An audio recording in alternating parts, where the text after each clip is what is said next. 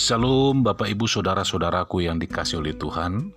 Kembali kita bertemu di Renungan Malam pada hari ini Rabu 19 Agustus 2020 Bersama saya Pendeta Sabta B. Utama Siagian. Dan tema kita pada malam hari ini berbicara tentang teguran dengan kasih. Pernahkah suatu bangsa menukarkan Allahnya meskipun itu sebenarnya bukan Allah tetapi umatku menukarkan kemuliaannya dengan apa yang tidak berguna. Yeremia 2 ayat yang ke-11 Ibu bapak saudara-saudaraku yang dikasih oleh Tuhan, Yeremia diperintahkan Tuhan menegur umat Israel yang telah meninggalkan kasihnya yang mula-mula kepada Tuhan dan berpaling kepada Allah lain. Dengan keberanian ilahi, Yeremia melangkah maju mengerjakan perintah Tuhan kepadanya meski ada harga yang harus dibayar. Yeremia siap untuk dimusuhi, dijauhi, dicibir, dilawan, dan ditentang oleh orang-orang sebangsanya.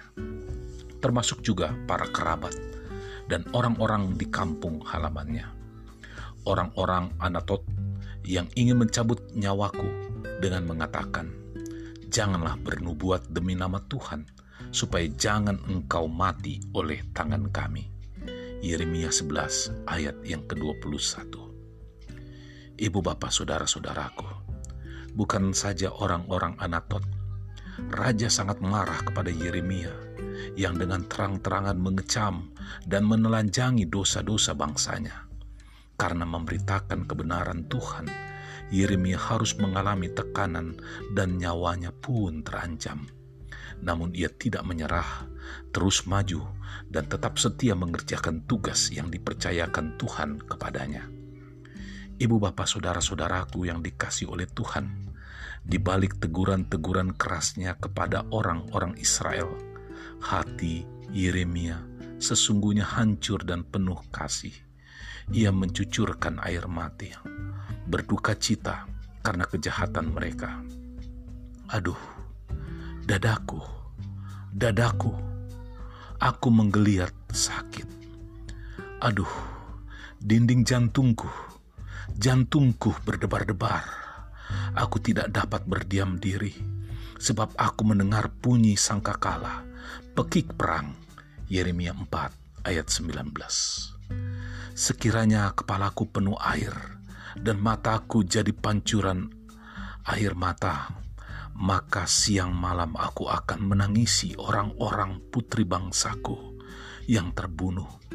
Sekiranya di padang gurun aku mempunyai tempat penginapan bagi orang-orang yang sedang dalam perjalanan, maka aku akan meninggalkan bangsaku dan menyingkirkan daripada mereka, sebab mereka sekalian adalah orang-orang berzina, suatu kumpulan orang-orang yang tidak setia Yeremia 9 ayat pertama dan dan kedua. Ayat-ayat ini jelas menandakan bahwa dengan landasan kasih Yeremia menegur dan mem memperingatkan bangsanya. Tujuannya supaya mereka sadar atas kesalahannya dan segera bertobat kembali ke jalan yang benar.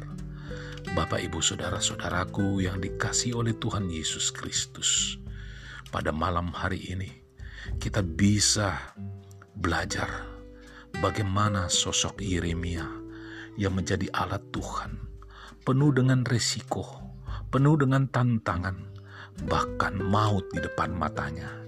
Dia melakukan hal itu karena kasihnya. Dia tidak mau bangsa Israel semakin jauh dari Tuhan. Dia menyampaikan pesan Tuhan supaya mereka bertobat kembali kepada Tuhan Allah.